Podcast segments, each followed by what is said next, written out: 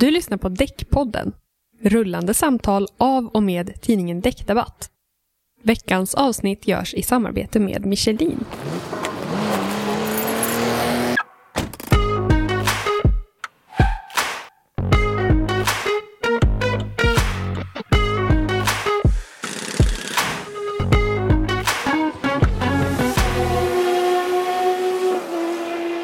Dagens gäster Peyman Sabet, chef för Michelin i Norden och också nyligen utsedd till ansvarig för affärsutveckling, framförallt då inom hållbarhet och miljöfrågor i hela norra Europa. Peyman beskriver sig själv som en personlig och passionerad person i allt det han gör och han är också en tävlingsmänniska. Han har sagt att om det är någonting han vill förbättra så är det att ha mer tålamod och bli bättre på att hitta balans i livet. På fritiden gillar han att träna thaiboxning han har också tidigare tävlat i kickboxning och i en intervju tidigare med mig och Däckdebatt så sa han att det är inte många som tänker på mig som en person som går in i boxningsringen med överkroppen insmord i olja. Det låter ju spännande tycker vi, så det får du berätta mer om sen i podden. Vi återkommer till det. För i det här programmet ska det nämligen mest handla om hållbarhet i däckbranschen och cirkulär ekonomi. Och om hur däcken kan få en större plats i den cirkulära ekonomin. Peyman kommer förklara varför Michelin vill att vi ska köra på däcken så länge som möjligt och hur deras nyaste däck eh, kan vara helt koldioxidneutralt vid inköpet. Så välkommen Peyman till podden. Tack ska ni ha, tack. Då måste jag börja och fråga, hur har det gått med ditt tålamod och, och hitta balansen? Har det varit lättare eller svårare nu under pandemin med de frågorna? Det är väl alltid svårt att utveckla sådana delar av sig själv, men jag skulle väl säga pandemin har väl tvingat mig att försöka jobba på det ännu mer. Jag menar med hemarbete till exempel så blir man ju tvungen att hitta balansen på ett annat sätt. Annars jobbar man ju konstant 24-7.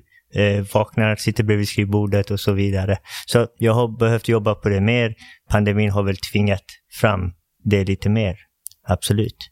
Så din balans handlar mycket om eh, balansen mellan arbete och fritid kanske? Balans mellan arbete och fritid eh, och, och givetvis med livspusslet. Vi har två små barn hemma, en treåring och en mm. snart sjuåring. Eh, ja, de kräver ju en del.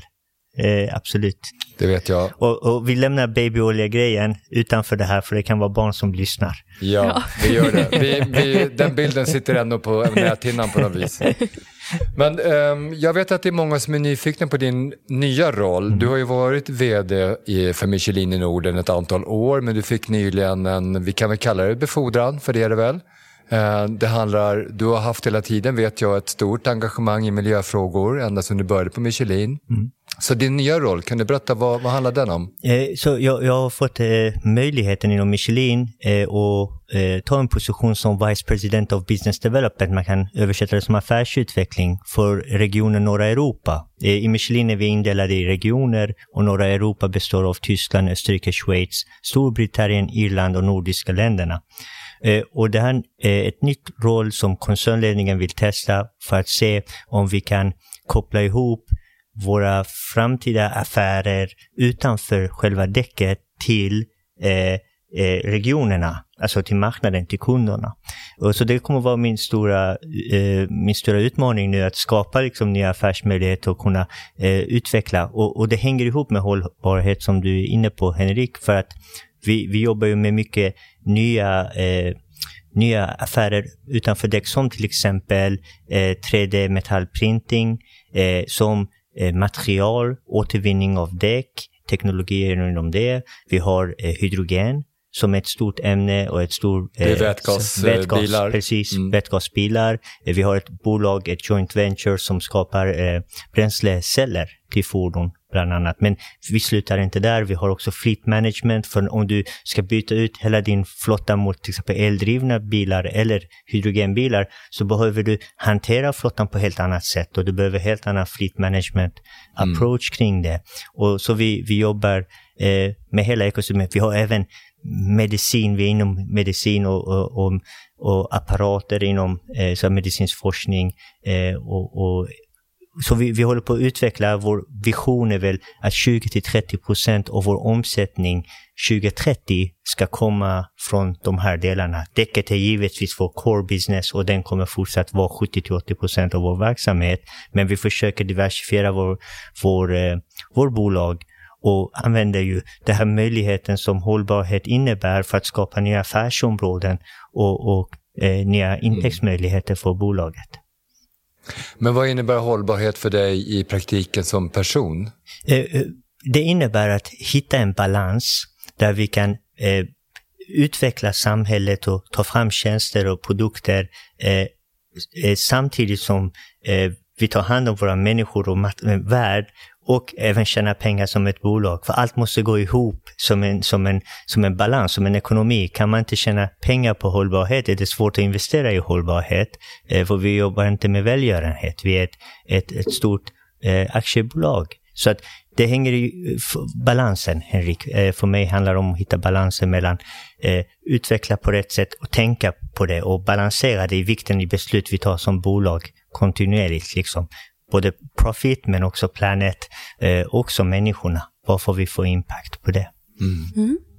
Du nämnde ganska många olika utvecklingsområden där inledningsvis mm. och jag antar att det, det handlar mycket om det att man utforskar olika ämnen. Kan du, vad är mest konkret nu? Kan du nämna något område som är mer konkret än något annat? Eh, men, men, om jag tar eh, bränsleceller, det är extremt konkret. Eh, vi har idag eh, skrivit ett kontrakt med ett bussbolag i Frankrike, Safra, där vi producerar över tusen eh, eh, fordon ihop med bränsleceller. Vi har tagit investeringsbeslut och har börjat påbörja Europas största fabrik för bränsleceller utanför Lyon, där vi hoppas kunna producera eh, industrialisera egentligen produktion av bränsleceller och på så sätt på sikt få ner priset av en bränslecell till en tionde av vad den är idag. För det är där skon klämmer för att kunna få upp en, en eh, TCO på ett fordon som går på bränsleceller.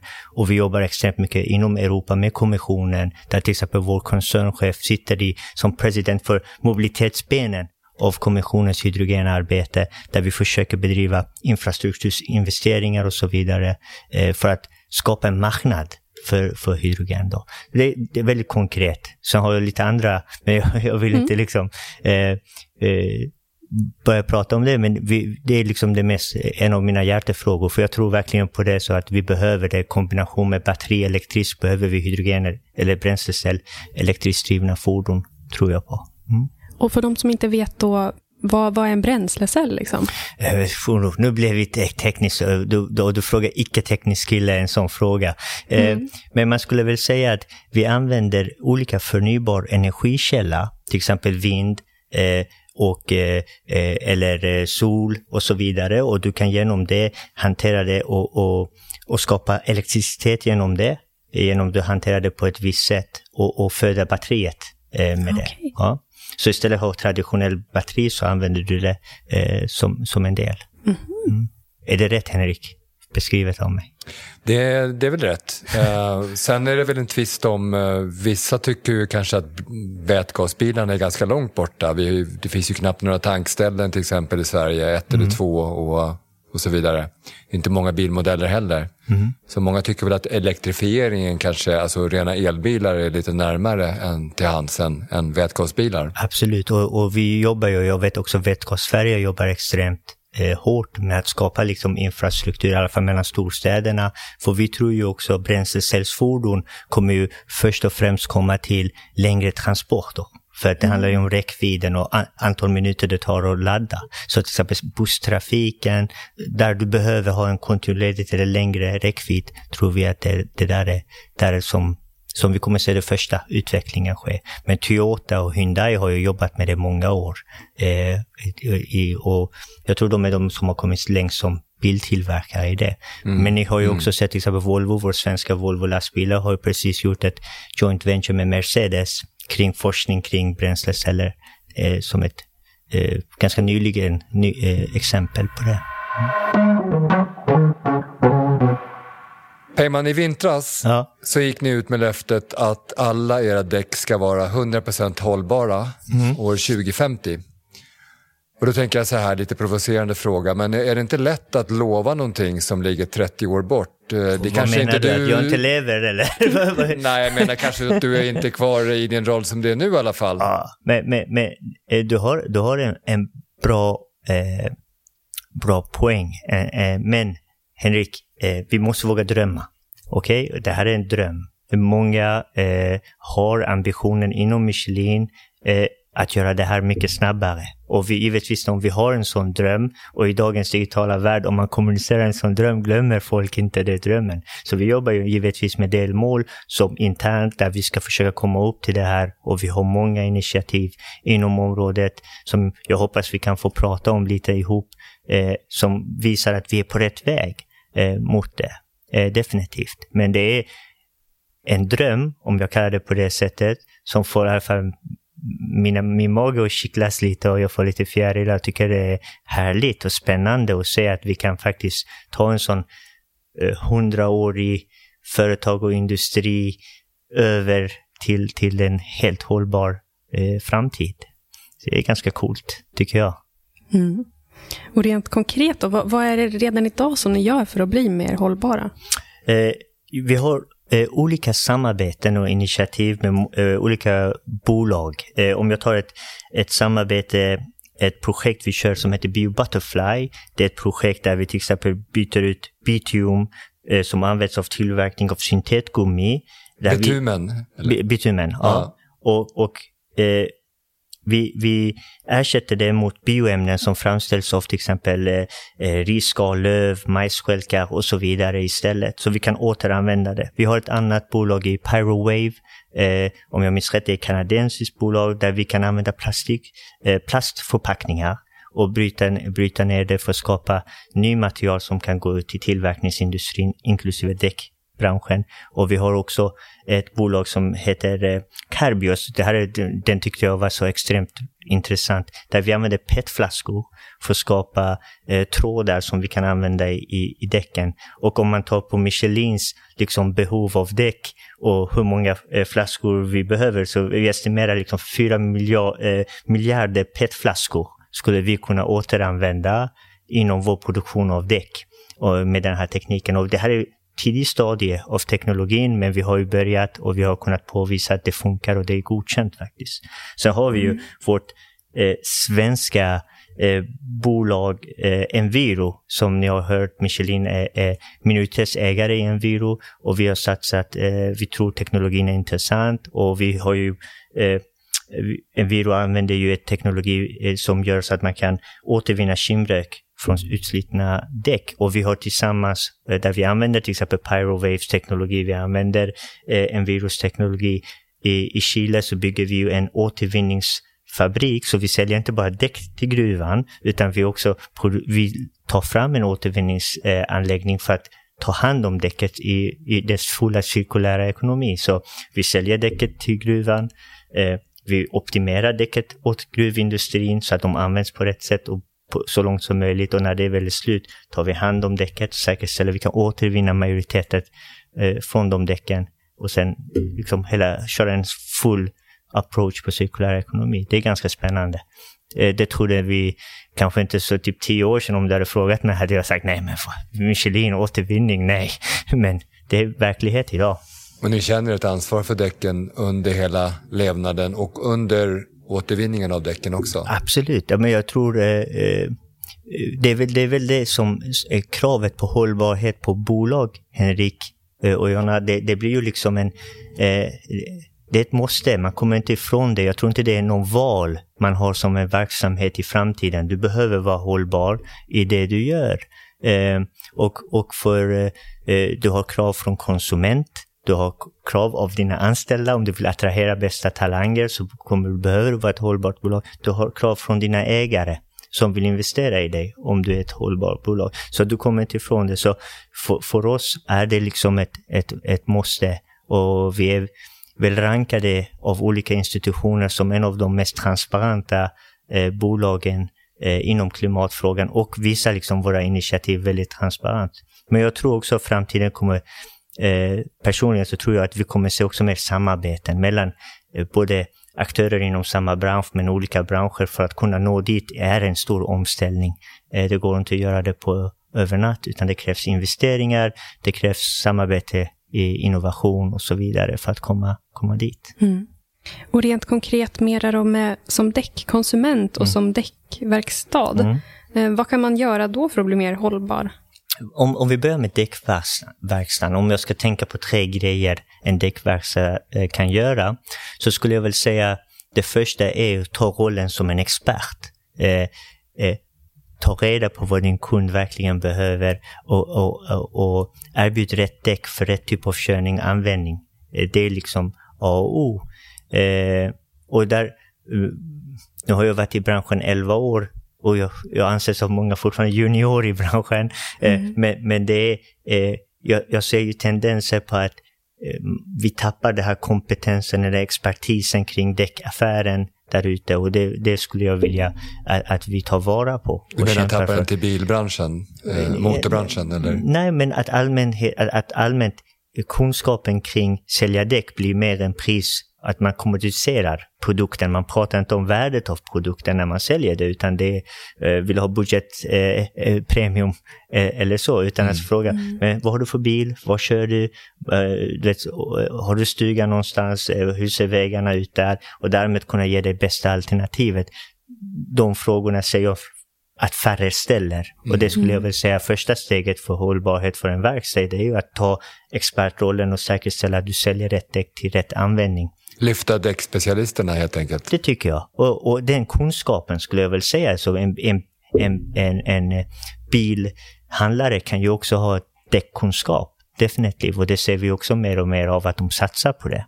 Mm. Så om jag tar andra delen, det är ju att försöka sälja lite mer mervärden eller tipsa om mervärden, som till exempel hjulinställningar, rätt balanserade däck, rätt lufttryck, så att däcket används på bästa sätt möjligt. Ja, för vad innebär det eh, om man har felbalanserade? Det innebär att du sliter däcken betydligt snabbare. Livslängden blir betydligt kortare. Ja, än vad det egentligen är gjort eh, till att, att det ska hålla. Så om du har rätt däck till bilen och du kan ha rätt lufttryck och rätt ljudinställning så får du maximalt ut utav din däck och därmed eh, har en positiv så att säga, eh, miljöpåverkan jämfört med negativt om, om du behöver ta av dina däck för tidigt. Och, och sist men inte minst så är det ju verkstadens egen hantering av sin hållbarhet inom, inom du vet, hur, eh, vad använder du för vatten eh, eller el? Eh, har du LED-lampor? Eh, hela den biten. Jultvättar till exempel? Jultvättar till exempel. Eller eh, det kan vara eh, hur hanterar du återvinningen på din verkstad? Gör du det på rätt sätt eller fuskar du lite? Eh, och alla de delar kanske känns litet i sammanhanget, men det är ju när alla gör lite där vi kan göra en stor skillnad i den här frågan. Det är väl, vad skulle jag säga, för verkstäderna. Nu blir det väldigt långt svar kanske. Ja, men det är jättebra när det finns mycket att göra. Ja, men privatpersonerna då, alltså konsumenterna, vad kan de göra för att uh, bli mer hållbara i sina däckval? Uh, för att vara konkret, se till att ha rätt lufttryck. Kolla din lufttryck mer regelbundet än det du gör idag.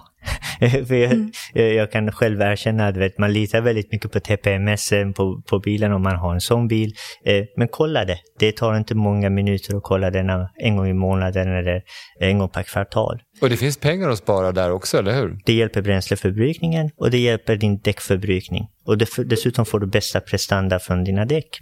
Eh, och sen har du eh, väl rätt eh, däck för användningen. Till exempel har du elbil, eh, tar, tar reda på. Vi har liksom däck som är mer och mer utvecklade för EV. Det står oftast, i alla fall i Michelin sortiment, EV på däcken, eh, Electric Vehicle. Eh, så att man kan använda det på det sättet. Eh, eh, och, och, ta ställning till, till, behöver du verkligen dubbdäck? Jag hade en diskussion med en granne som kuriosa häromdagen. Han har precis beställt eh, en Tesla och han bara, ja Peyman, granne, kan du fixa bra vinterhjul då?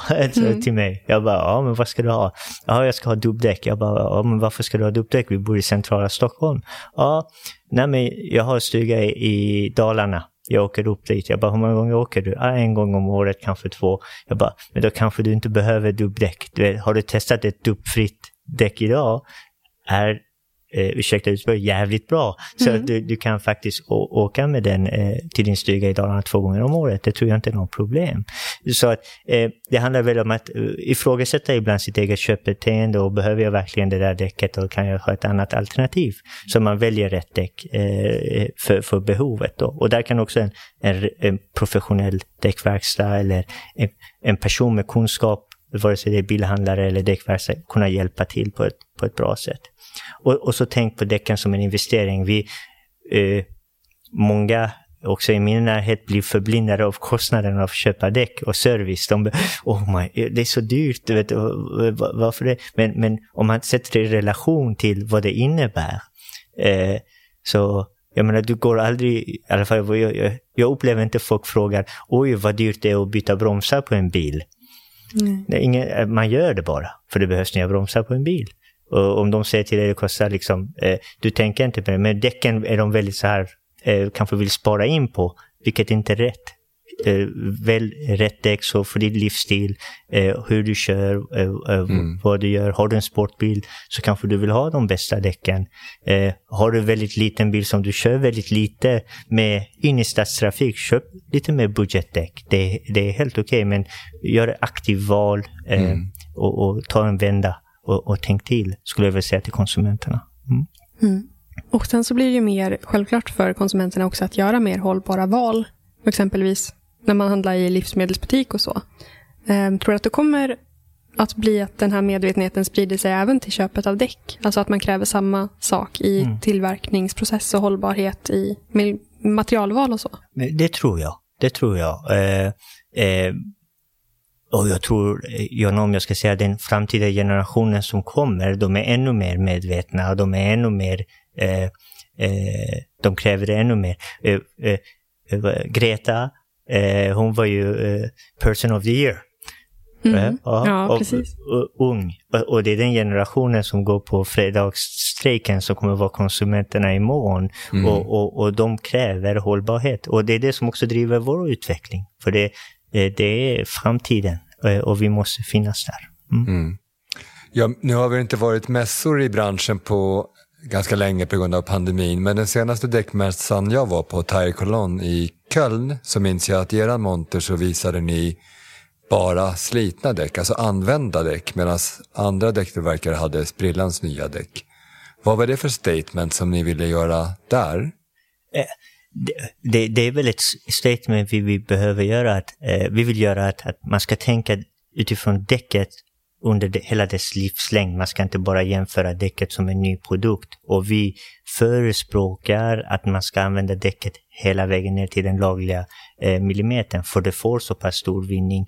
Eh, och Henrik, det är inte bara på Terra även när vi lanserade eh, nya produkter innan pandemin, till exempel även nordiska vinterprodukter, så, så gjorde vi det med, eh, halv, eh, med slitna däck där eh, våra kunder fick prova köra och bromsa på slitna däck, konkurrenter mot våra däck och så vidare. Där vi verkligen testar och, och visar att det finns en skillnad faktiskt. Och det, det är väl det också, om jag vore en återförsäljare så vill jag ju veta att det jag säljer till kunden är bra, inte bara kanske första 100 kilometer eller 1000 kilometer, men, men under hela livslängden, att jag säljer faktiskt en bra produkt och jag kan sova gott om nätterna. Och det är väl det som vi vill lyfta, den här medvetenheten kring att däck är inte bara ett eh, konsumentvara eller ett, ett, eh, att man kan bara ta av den när det är halvslitet och så. Eh, man kan faktiskt använda det hela vägen ner.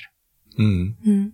Men jag vet också att just den här frågan om 1,6 millimeter har, har ju ni Ja, det har varit lite diskussion om det i branschen. Många eh, däckkännare, däckspecialister tycker att man ska kanske rekommendera konsumenten att byta tidigare vid 3 millimeter eller så. Även om det lagliga kravet är 1,6 millimeter. Varför, varför är ni så eh, fasta vid den övertygelsen när ni säger att använd ner till 1,6 millimeter hela vägen? För att vi, vi satsar på utveckling, vi satsar på teknologi och lagkravet är ju 1,6 så vi kan faktiskt skapa däck som har bra prestanda hela vägen ner.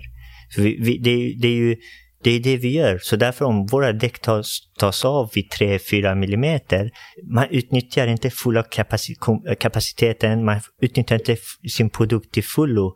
Eh, och, och, och jag har en annan också vinkel. Resursslöseri tycker du då? Helt. helt. Enkelt. Och, och jag, vi har fakta på det. Jag menar Ernst Young har gjort studier på det. Att eh, om eh, alla skulle ta av sitt eh, däck, jag tror det var på 3 mm om jag minns rätt, så skulle 128 miljoner mer däck konsumeras i Europa. Mm. Och det skulle innebära att eh, CO2-utsläppen ökar med 9 miljoner ton per år. Och dessutom innebär det en kostnadsökning för du behöver köpa fler däck som konsument, vilket är helt onödigt. Eh, men, men, vi har en perception, när jag sitter och pratar med journalister som tycker att eh, jag, eh, jag sätter säkerheten på spel när jag säger så här, så, så har, jag upplever att det finns en bild att om jag kör 110 km i timmen när det är en solig sommardag och kör på det, jättebra. Jag vill fortsätta köra 110 km i timmen när det är minus 20 och snöstorm. Ingen ska stoppa mig, jag ska fortsätta köra samma hastighet. Och när det eh, regnar jättemycket eh, och det är vattenpölar överallt, jag ska fortsätta köra 110. Men någonstans i den här diskussionen glömmer vi att den som kör bilen har också ett aktivt val kan anpassa sin körning efter väderförhållanden och så vidare. Behöver inte anpassa det efter däcken, men efter väderförhållanden. Och om du sätter det i kombination, att du har medvetenhet vid din körning och du använder dina däck på rätt sätt, så är det inga problem. Men visst, om du kör 110 eh, i snöstorm, eh, full snö och, och däcken går ner, det är klart att du, du utsätter dig själv för större risk. Eh, så det, det här, det, man måste sätta det i kombination i realiteten. Eh, eh, och, och, det, eh, och det är helheten som gör så att det funkar. Men vi, vi utvecklar aktivt det och det finns teknologier kring det eh, idag som gör så att en däcktillverkare kan eh, utveckla avancerade däck som håller väldigt bra hela livslängden. Mm. Mm. För den här kritiken som du nämner och trafiksäkerhetsfrågan eh, handlar inte om, om fysik också? Om man tänker ett däck som har 1,6 mm i mönsterdjup, kan det verkligen tränga undan lika mycket vatten som ett däck som har 3 mm? Eh, om man tänker på risken för vattenplaning och så vidare. Skulle du, känner du dig lika säker om du kör i med 1,6 som med 3? Eh, det skulle krävas extremt mycket vatten för att jag skulle kunna känna en skillnad. Okej, okay? och är det så mycket vatten så kommer jag sakta ner och då känner jag ändå ingen skillnad.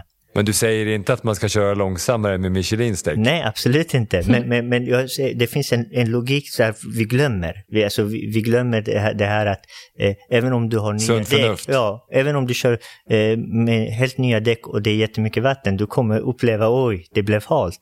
Det har inte bara med, med det att, att göra. Mm. Så att det, man måste tänka på helheten utifrån det. Det är min perspektiv i alla fall. Eh, och dessutom har du ett däck som är två millimeter på sommaren så har du jättebra grepp. det är liksom, om man kollar på Formel 1-bilarna, de har ju ingen mönsterdjup alls, eh, mm. till exempel. Så du får ju jättebra eh, grepp där. Så det är liksom, eh, eh, ja, jag, jag tänk till, använd det med våra däck i alla fall, är utvecklade så att du har en bra... Och vi har tester Henrik, jag tror det finns på YouTube, nu kanske jag inte ska göra reklam för YouTube här, men eh, det, det, finns tester vi har gjort på eh, slitna Michelin-däck och nya budgetdäck. Och vi har bättre prestanda på slitna Michelin-däck än nya budgetdäck. Mm. Mm. Så att, eh, och, och, det är liksom eh, bara för att visa det är stor skillnad på däck och däck.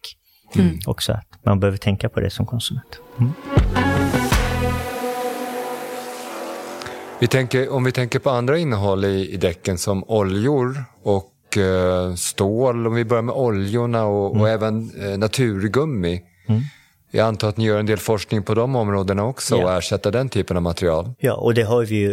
Eh, om du tänker på vår hållbara däck i framtiden. Tanken är ju vi ersätter alla de typer av material eh, regelbundet. Eh, så det arbetet pågår och, och jag skulle vilja säga BioButterfly-projektet jag eh, nämnde är den största eh, forskning vi gör inom det ämnet eh, för att ersätta de delarna. Och ni har ju gjort däck som helt saknar stål också. Och.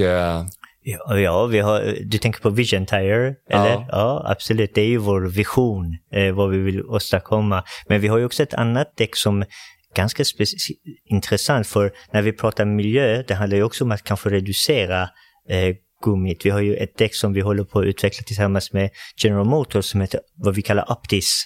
Eh, och det, det var det jag tänkte på. Ja, optiskt däcket, ja, utan, utan, eh, utan fälg och med en liten gummi. Och jag, jag hade faktiskt möte med en kollega i USA igår och han jobbar på det här projektet och han sa att det är extremt bra däck. Det är extremt bra däck. Eh, eh och, och, och när tror du vi kan se dem på personbilar?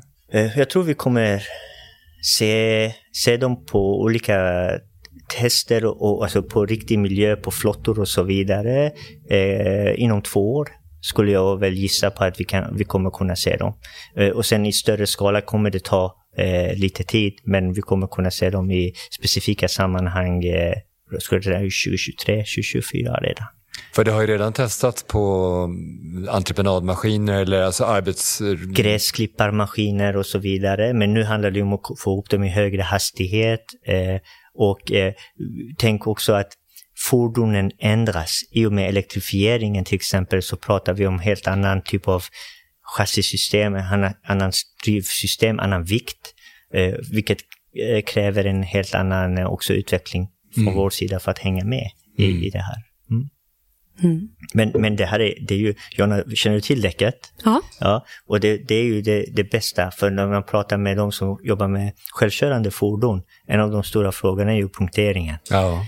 Eh, och mm. tänk om man kan lösa den eh, genom det däcket liksom, eh, på ett bra sätt. Det finns ju andra pro eh, produkter och tjänster vi utvecklar också för att kunna hjälpa till vid punktering, men det här är ju det ultimata, för det kan inte få punktering. Nej. Så att det är riktigt häftigt faktiskt. Mm. Och det är väldigt unikt liksom utformat där med att det inte har någon liksom sida. Ja, precis. På det, på det ja, sättet. Ja. Men eh, ja, på tal om nya däck, ett däck som ni redan har lanserat eh, som är här eh, sen i våras är ju e-primacy. Det heter så va? Mm, det stämmer. Och där säger ni att det är helt koldioxidneutralt vid inköpet. Och då undrar man ju hur, hur kan det vara det? Men bara i fabriken så borde väl tillverkningen bidra till CO2-utsläpp? Mm. Den är, eh, jag, jag, jag, går igenom olika delar av utvecklingen av det. För det första så har vi för första gången använt en hel eh, ny metodik av eh, livscykelanalys när vi har designat däcket, tillverkat däcket, hela vägen till försäljningen. Vi har även tänkt på liksom, användningen av däcken. Man har tagit allting i beakande när man har gjort det här däcket. Eh, det du är inne på, givetvis uppstår det CO2-utsläpp när du till exempel fabrik, när du har en viss där. Du har också när du kör ut till kunderna, det uppstår där. Men vad vi gör är att vi ersätter den eh, koldioxiden som uppstår genom samarbete, plantera träd eh, och kompensera, så kompensera för, för det. Så den är från verkstaden, när verkstaden säljer det, så är det CO2-neutralt. Eh, det kan de vara trygga med. Och vi har ju tagit med eh, i produktionen också tekniker som gör så att vi kan minska vår påverkan eh, ganska, ganska bra. Eh, och eh, eh, det, hela, hela den här tekniken kommer vi använda i fler däck framåt. Och tanken är ju att det här däcket också, i och med att vi hade som miljötänk när vi utvecklade den, det, vi kallar det e-primacy, för den är ju eh, vad ska man säga, energieffektiv. Eh, det är inte bara att det betyder det är bra eh, för elbilar, utan nej, det, du kan använda det på vanliga bilar. Rullmotståndet på däcket är så pass bra så att du sparar eh, energi. Och vinner ett antal kilometer då till exempel på en elbil? På en elbil vinner ett par kilometer, på en personbil sparar x antal kronor. Eh, så att, och jag skulle väl säga, eh, eh, ja, man kan säga, vi pratar om två deciliter bränsle per 10 mil, vilket eh, sänker eh, eh kostnaden med cirka 1000 kronor på däckets livslängd. Och det är ju sånt som, om vi går tillbaka till frågan om återförsäljare konsument, mm. att konsument ska faktiskt, ja men oj, det finns en sån alternativ.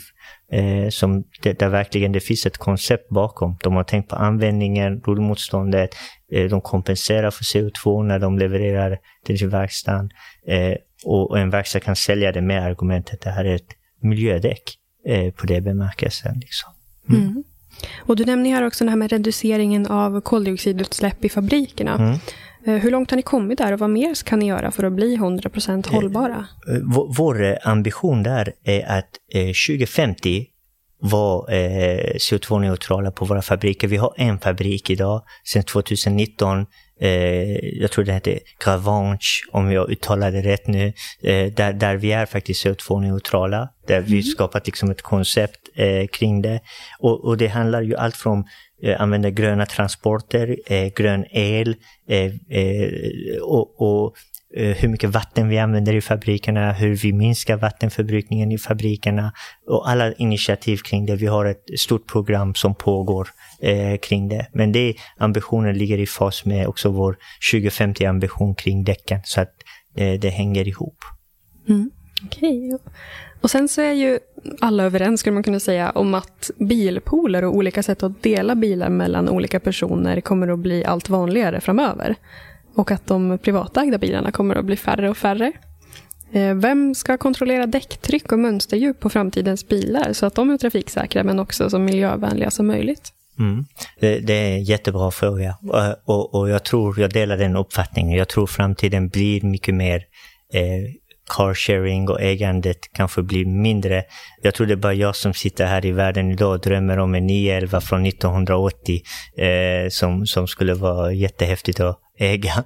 Men mm. eh, jag tror framtiden blir mer eh, miljötänk kring bilägandet eh, och man tänker på mobilitet kanske mer modul modulärt. Att du kombinerar bil med elskotrar och bussar och tunnelbanesystem på ett helt annat sätt. Eh, men om, om man ska svara din fråga så tror jag att eh, en grej är att bilarna kommer vara mer eh, connected. Om vi tar Internet of Things eh, och 5G-nätet som kommer, vilket gör att datan kan gå mycket snabbare. Det möjliggör för mycket mer tjänster. Vi har idag eh, autonoma fordon, till exempel i gruvindustrin, som kör helt själv, där vi har eh, eh, vi har tjänster som vi har kopplat till fordonet, vilket gör att vi inte behöver skicka personer för att inspektera däcken och vi kan eh, informera eh, de som bedriver gruvan eller bedriver fordonet att om 10 kilometer kommer ni ha ett problem, ni behöver köra tillbaka den och göra det innan ni får en stopp. Så mm. vi kan göra en helt annan preventiv planering eh, kring till exempel punkteringar eller, eller service och så vidare. Vi har ett bolag inom Michelin som heter DDI, eh, Driving Data Intelligence, eh, och, och, eh, och de är, fokuserar bara på data. Det är ett bolag som bara fokuserar på data och hittar nya eh, eh, möjligheter med data genom att använda AI och, och beteendevetenskap eh, kopplat ihop så kan vi ta fram liksom information till, till kommuner eh, där vi kan säga att ja, den här kurvan i den här gatan är farlig. För vi kan se genom datan, vi kan fånga från alla bilar, de bromsar alldeles för sent. Mm. Eh, eh, och man kan, innan en olyckor sker så kan man se liksom att det här är faktiskt farligt. Och, så jag, jag, tror vi kommer se väldigt mycket mer tjänster kring eh, hela, hela däck och, och servicebiten. Så att eh, du som förare behöver inte tänka på det, men, men bolaget kan hantera det. De som hyr ut fordonen kan hantera det på mycket mer smartare sätt. Så att du inte drabbas av det som förare egentligen. Tror du på den framtiden? Ja, men det hoppas jag att det ska bli så. Det låter väl jättebra om man kan använda data till att det ska bli så säkert ja. som möjligt. Men om vi tänker på hur mycket datan till exempel eh, Siri eh, lyssnar på oss nu och när vi går ut härifrån så kommer vi få så elbilsreklam. Mm. Eh, men, men den, den typ av teknologi finns ju omkring oss. Data kan användas på mycket sätt, eh, på många sätt. Och jag tror det, vi kommer hitta också en mognad inom hela eh, vår industri inom automotive att kunna eh, utnyttja datan smartare och dela datan smartare för att skapa mervärde för, för konsument och användare i slutändan. Jag tror det är väl det som är framtiden. Och på tal om framtiden då, vad, vad önskar du att du ska ha åstadkommit om fem år eller tio år? Ja. Vad har du för långsiktig vision? Eh, jag skulle väl vilja säga att vi har tagit stora kliv mot vår vision. 2050-vision som du tycker jag är för gammal för.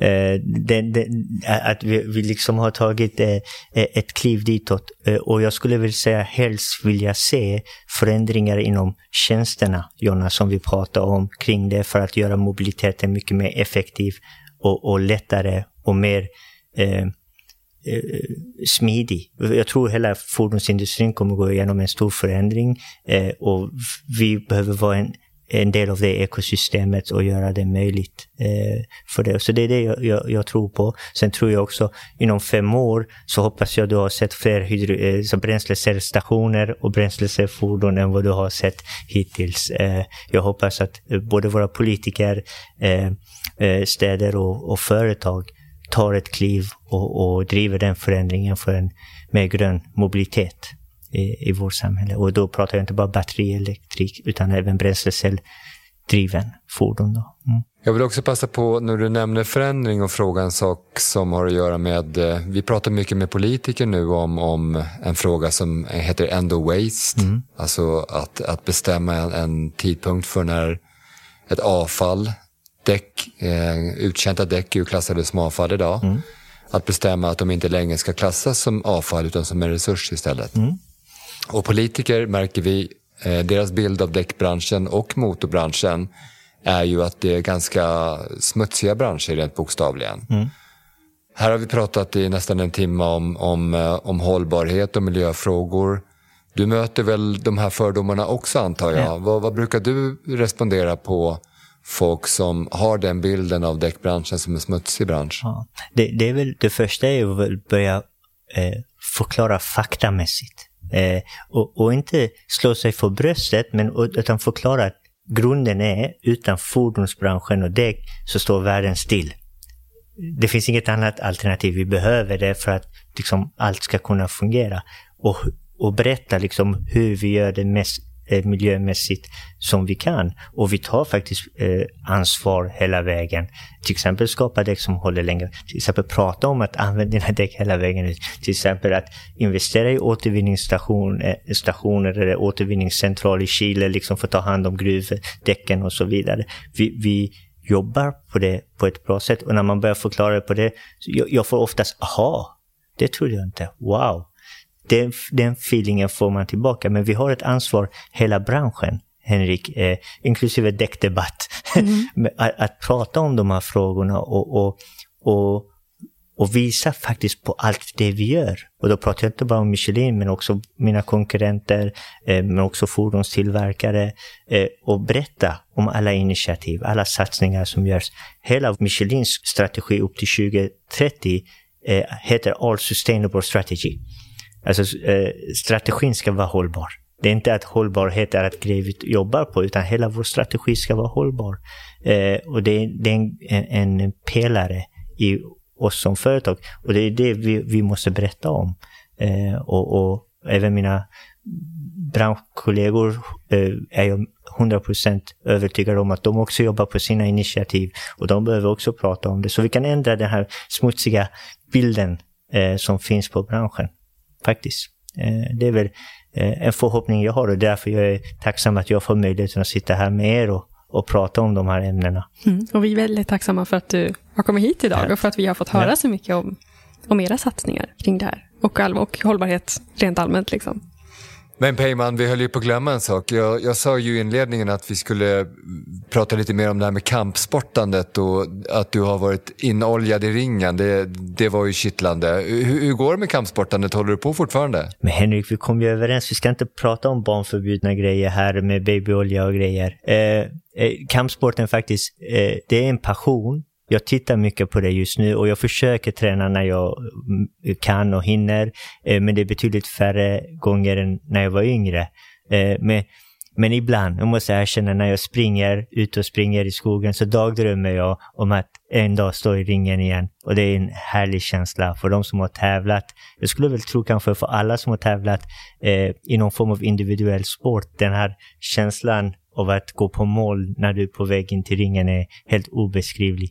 Och jag saknar den faktiskt. Om jag kan få uppleva det en gång till innan jag är pensionär eller för gammal för att stå så, så vore det kanon.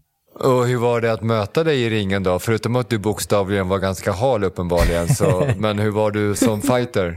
Eh, jag skulle väl säga, eh, hade mycket hjärta, Eh, kanske mer hjärta än egentligen hjärt, eh, hjärna.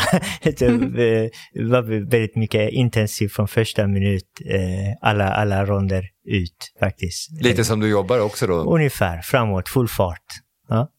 Ja, Pema, stort tack för att du var med oss, att du kom till oss på Däckdebatt och pratade om de här, dina hjärtefrågor som du brinner för. Mm. Och stort tack till alla er som har lyssnat på det här programmet. Om ni har frågor eller kommentarer om, om programmet, om innehållet, om ni undrar saker, så kan ni kontakta oss på däckdebatt.se. Där finns alla kontaktuppgifter till oss. Om två veckor så kommer ett nytt program och så kommer det vara under hela hösten. Vi sänder varannan vecka ett nytt program. Så håll utkik efter nästkommande program. Mm. Tack så mycket för att ni har lyssnat. Tack så mycket. Tack så mycket och hej då. Hej då.